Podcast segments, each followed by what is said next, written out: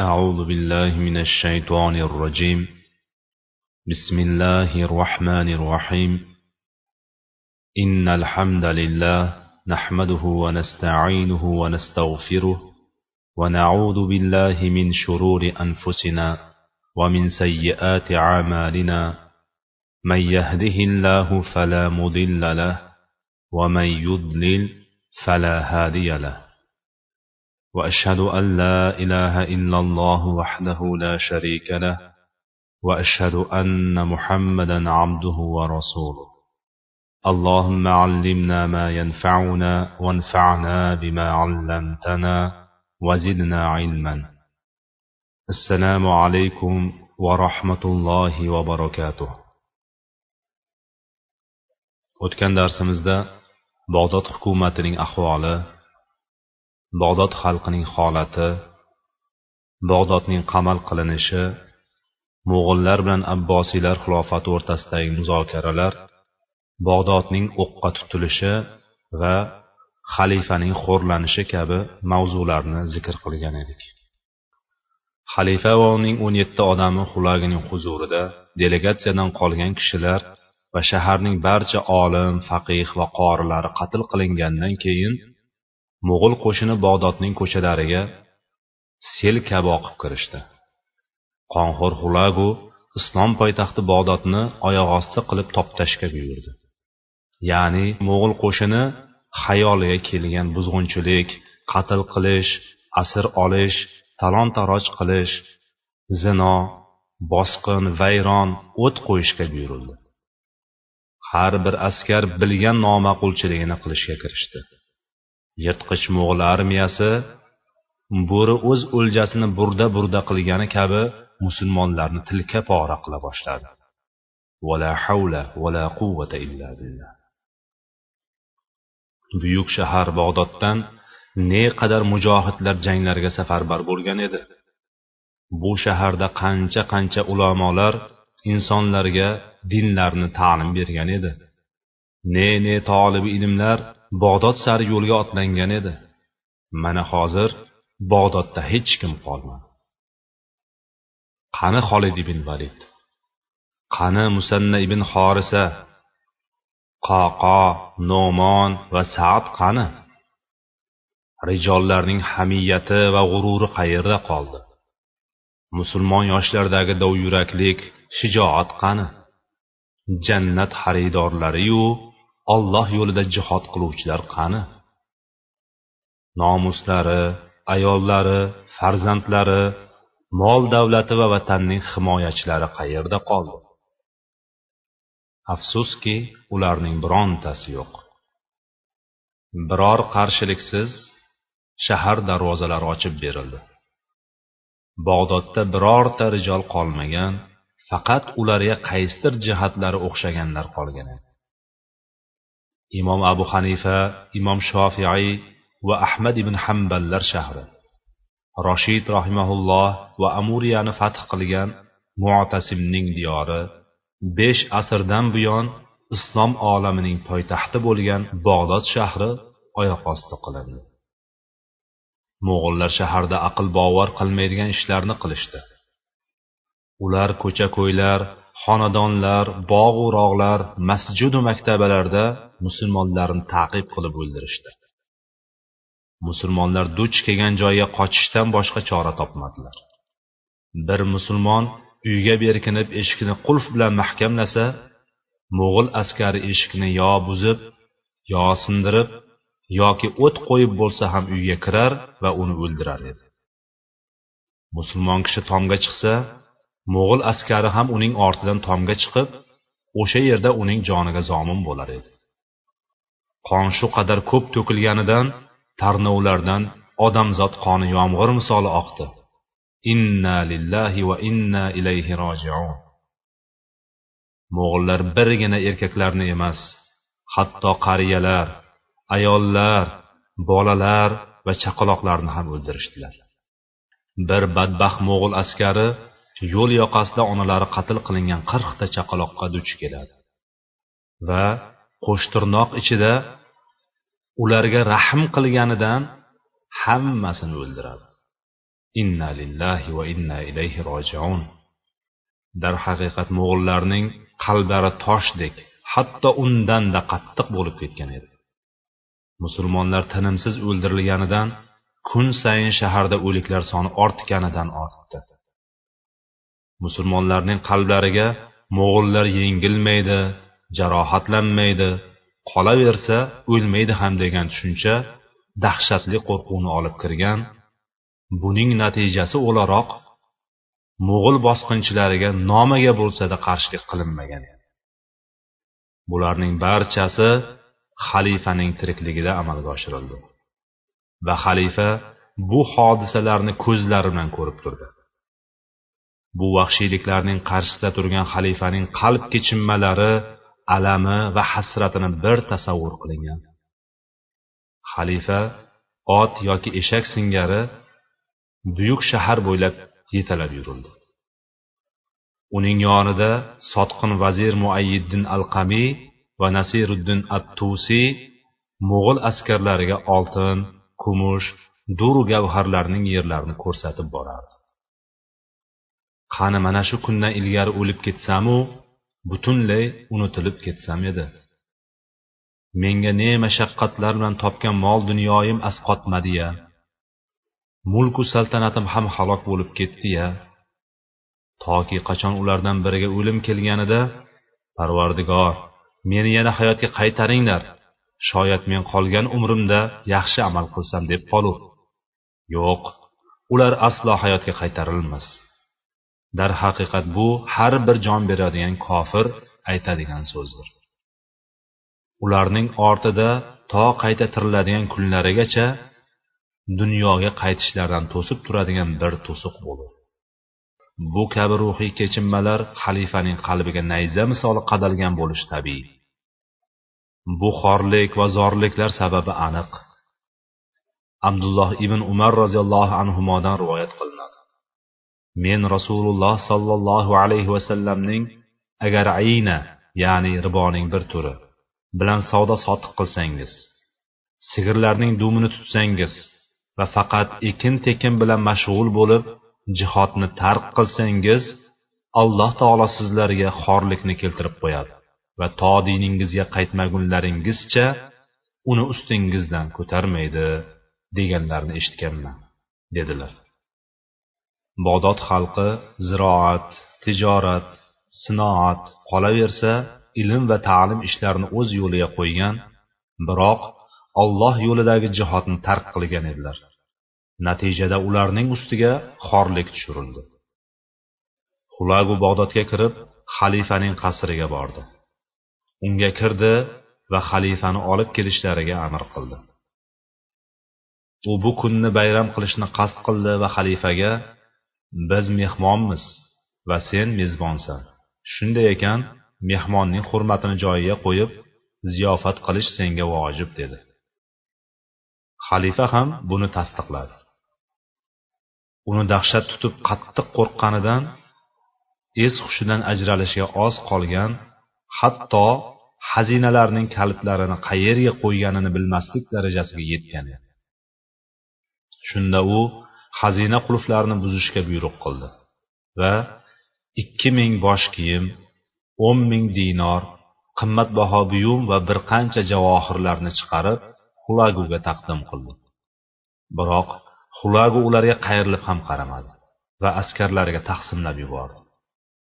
U bular askarlarimning haqqi edi endi menga yer ostiga ko'milgan boyliklarni ko'rsat dedi. Xalifa saroy o'rtasida hovuzga ko'milgan oltinlar borligini e'tirof qildi. Ishora qilingan joy kavlandi. Ajabo haqiqatan u yerda bir hovuz to'la har bir bo'lagi yuz misqoldan bo'lgan sof oltinlar bor edi. So'ngra xulagu xalifaning kanizaklari bo'limini tintuv qilishga buyurdi. Unda yetti yuz ayol va kanizaklar hamda mingta xizmatchi bor edi.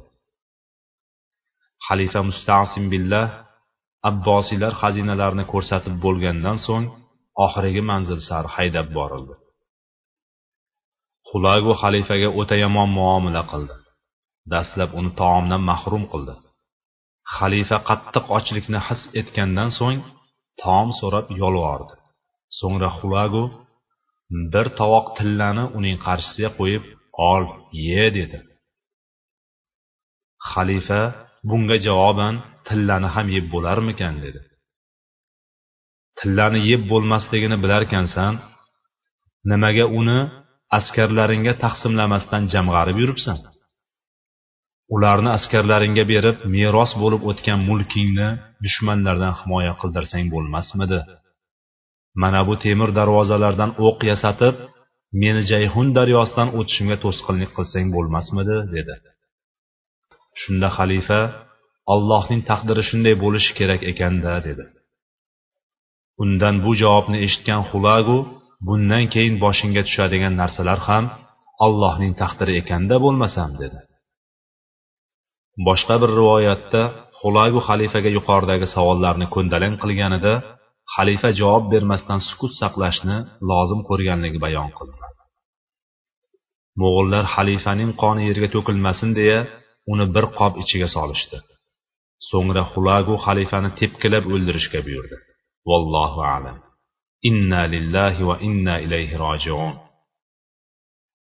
Boshqa rivoyatlarda xalifaning osib yoki bo'g'ib o'ldirilganligi yoki cho'ktirib o'ldirganligi ham naql qilinadi. Podsho va amirlarning bu tarzda o'ldirilishi mo'g'ullarning odatiga ko'ra edi. Ular g'oliban podsho va amirlarning qonini to'kmasdan o'ldirar edilar. Bu hodisa hijriy 656 yil 14 safar melodiy 1258 yil 27 fevral chorshanba kuni ro'y berdi. O'shanda xalifa 47 yoshda bo'lib xalifalik davri 15 yilu 8 oy davom etgan edi. So'ngra mo'g'ullar odatiga muvofiq uni noma'lum yerga dafn qilishdi. Xalifa bilan birga uning ikki o'g'li o'ldirilgan uchinchi o'g'li uchta qizi bilan birga asr qilingan edi. Faqat bag'dod emas u bilan birga bani abbos xalifalarining oxirgisi hamda shahar xalqi mahv etildi. Bu voqea bog'dod darvozalari ochilganining o'ninchi kuni sodir bo'lgan edi. Fojia birgina xalifaning o'ldirilishiga cheklanmadi. Xulagi o'z qo'shiniga bog'dodda qatli om amaliyotini davom ettirishga amr qildi. Qirg'in besh yoki o'n kun emas qirq kun uzluksiz davom etdi. Bunda son minglab millionlab musulmon erkaklar ayollar bolalar va go'daklar qatl qilindi. Aksariyat tarixchilar bog'dod shahrida qatl qilinganlarning soni sakkiz yuz mingga yetganligini xabarini berganlar. Bog'dodda faqat sanoqli nasroniylargina tirik qolgan edi. Mana shunday kulfatdan so'ng musulmonlar qanday oyoqqa turganligiga inshaalloh kelasi darslarimizda shohid bo'lamiz. O'sha vaqtlar musulmonlar bunday katta musibatdan o'zlarini o'ynab olgan bo'lsa hozirda biz ham ustimizga qora soyasini solib turgan musibatlardan chiqa olishimiz turgan gapdir. Mo'g'ul qo'shinining bir qismi musulmonlarni o'ldirish bilan ovora bo'lgan bir paytda qo'shinning boshqa bir bo'lagi yurtdagi madaniyat va ma'rifat manbalarini yo'qotish bilan band bo'ldi. Zero mo'g'ullar o'zlari bilan musulmonlar orasidagi ilm ma'rifat va madaniyatda osmon bilan yerchalik farq borligini ko'rib nafratlariyu adovatlari ko'kslariga sig'may ketayozgan edi. Darhaqiqat musulmonlar ilm ma'rifat madaniyat va axloqda mukammal asos va uzun tarixga ega. Diniy va dunyoviy ilmlar borasida o'n minglarcha mo'tabar olimlari bor edi. Shu bilan bir qatorda bu olimlar islom madaniyatiga doir millionlab kitoblar tasnif etgan edi. Mo'g'ullar esa madaniyatga ega bo'lish u yoqda tursin xitoyning shimolidagi sahrolarda paydo bo'lgan qavm bo'lib o'rmon qonuniga tayangan xalq edi. Hayvonlar singari urush qilishi yetmaganday hayvonlar kabi yashar edilar.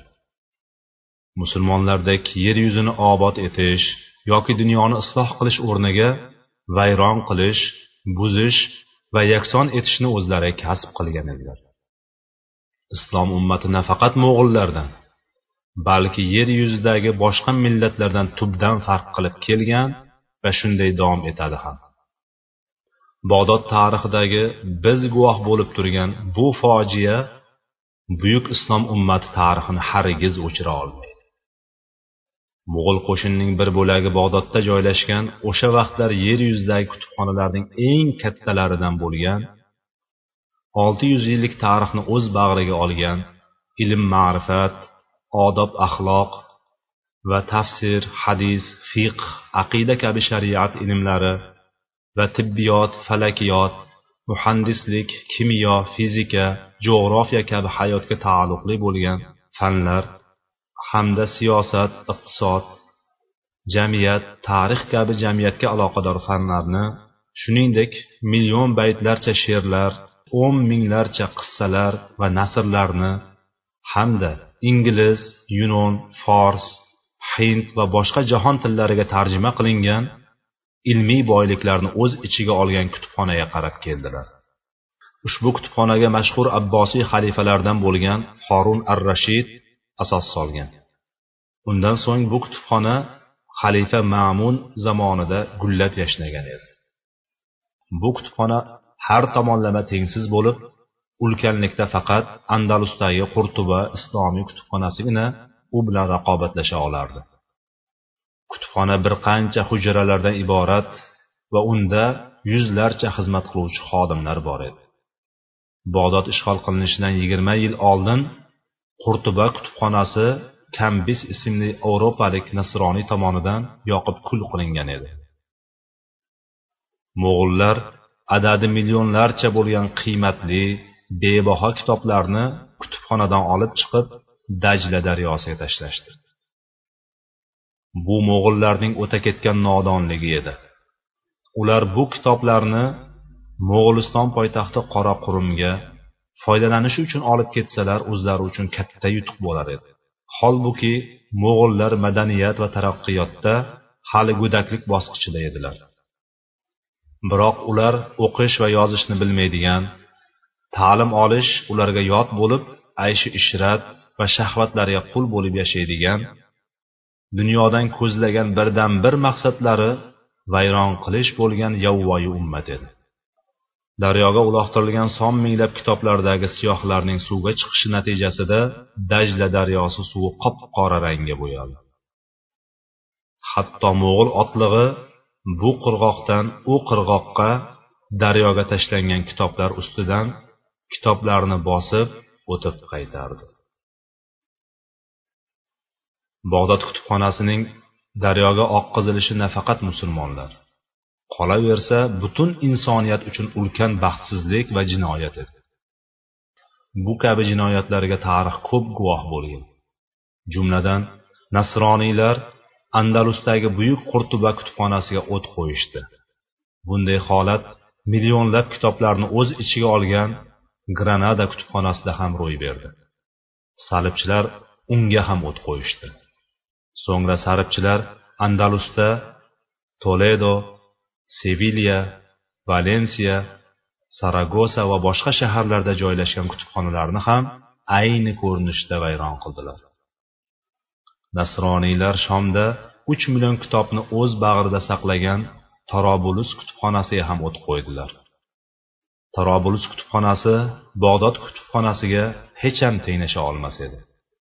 Endi dajda daryosiga oqizilgan kutubxona bog'dod kutubxonasidagi kitoblarning sonini bir tasavvur qilingan. Nasroniy salibchilar falastindagi g'azo quddus va asqalon kutubxonalarini da shunday xunuk ahvolga solishdi. So'ngra o'n to'qqizinchi asrga kelib yangi yevropa bosqinchilari islom o'lkalariga bostirib kelishdi. Biroq ular ajdodlariga qaraganda biroz aqlliroq ekanlar.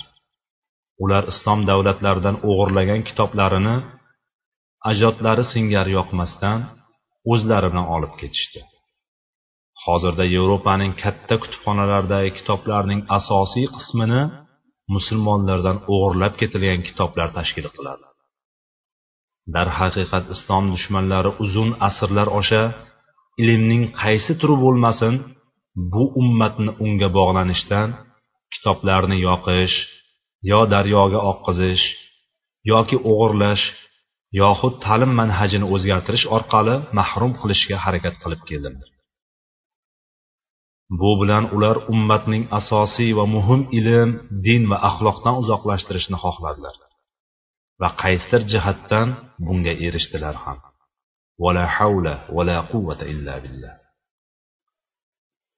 Kutubxonani daryoga cho'ktirib bo'lgan mo'g'ul qo'shinining bir bo'lagi go'zal va hashamatli binolarga qarab yo'l oldilar. Va ularni vayron qilib o't qo'ydilar.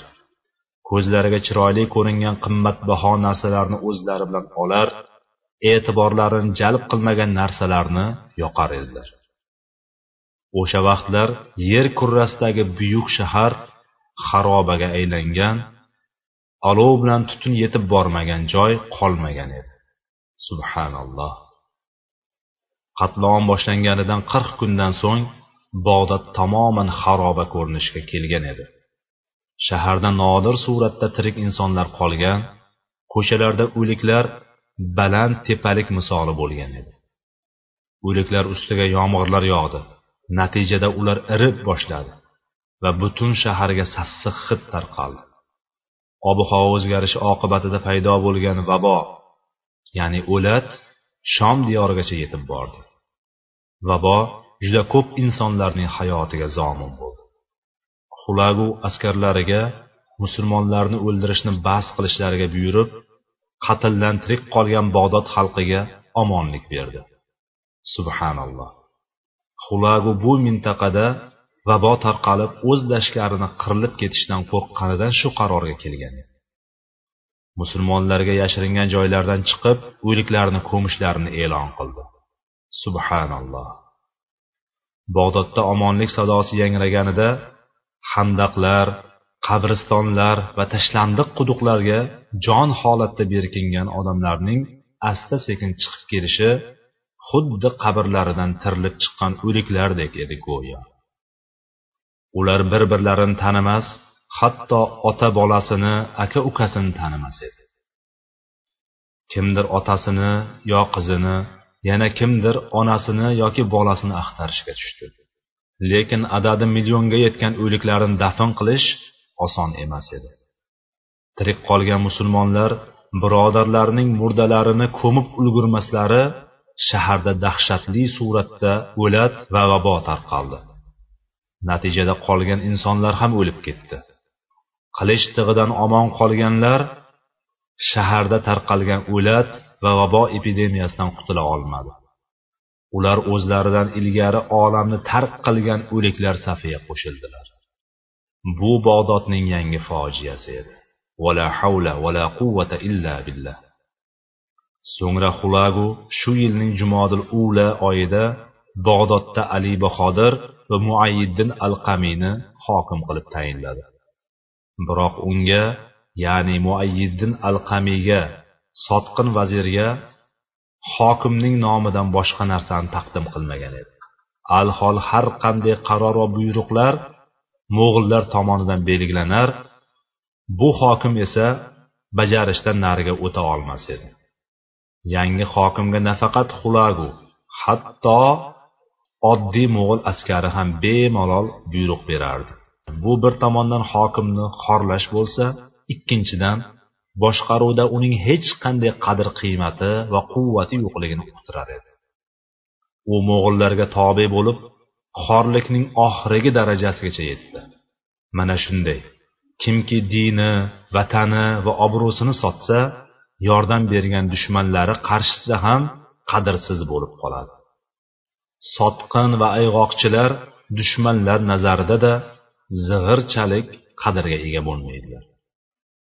Xoin vazir bog'dodga voliy bo'lganidan so'ng bir oz muddat xor bo'lib yurdi va o'z uyida bir necha oydan keyin jumodil oxira oyida jon taslim qildi.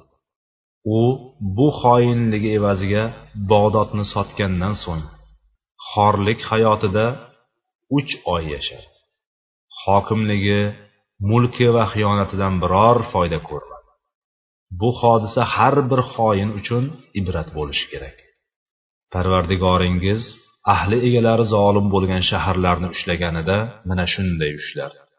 Uning ushlashi azobi alamli va qattiqdir. Hud surasi bir yuz ikkinchi oyat.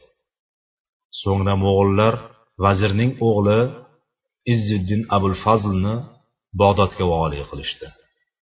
Otaning merosi bolalariga qolganidek xiyonat ham unga ota meros bo'lgan edi.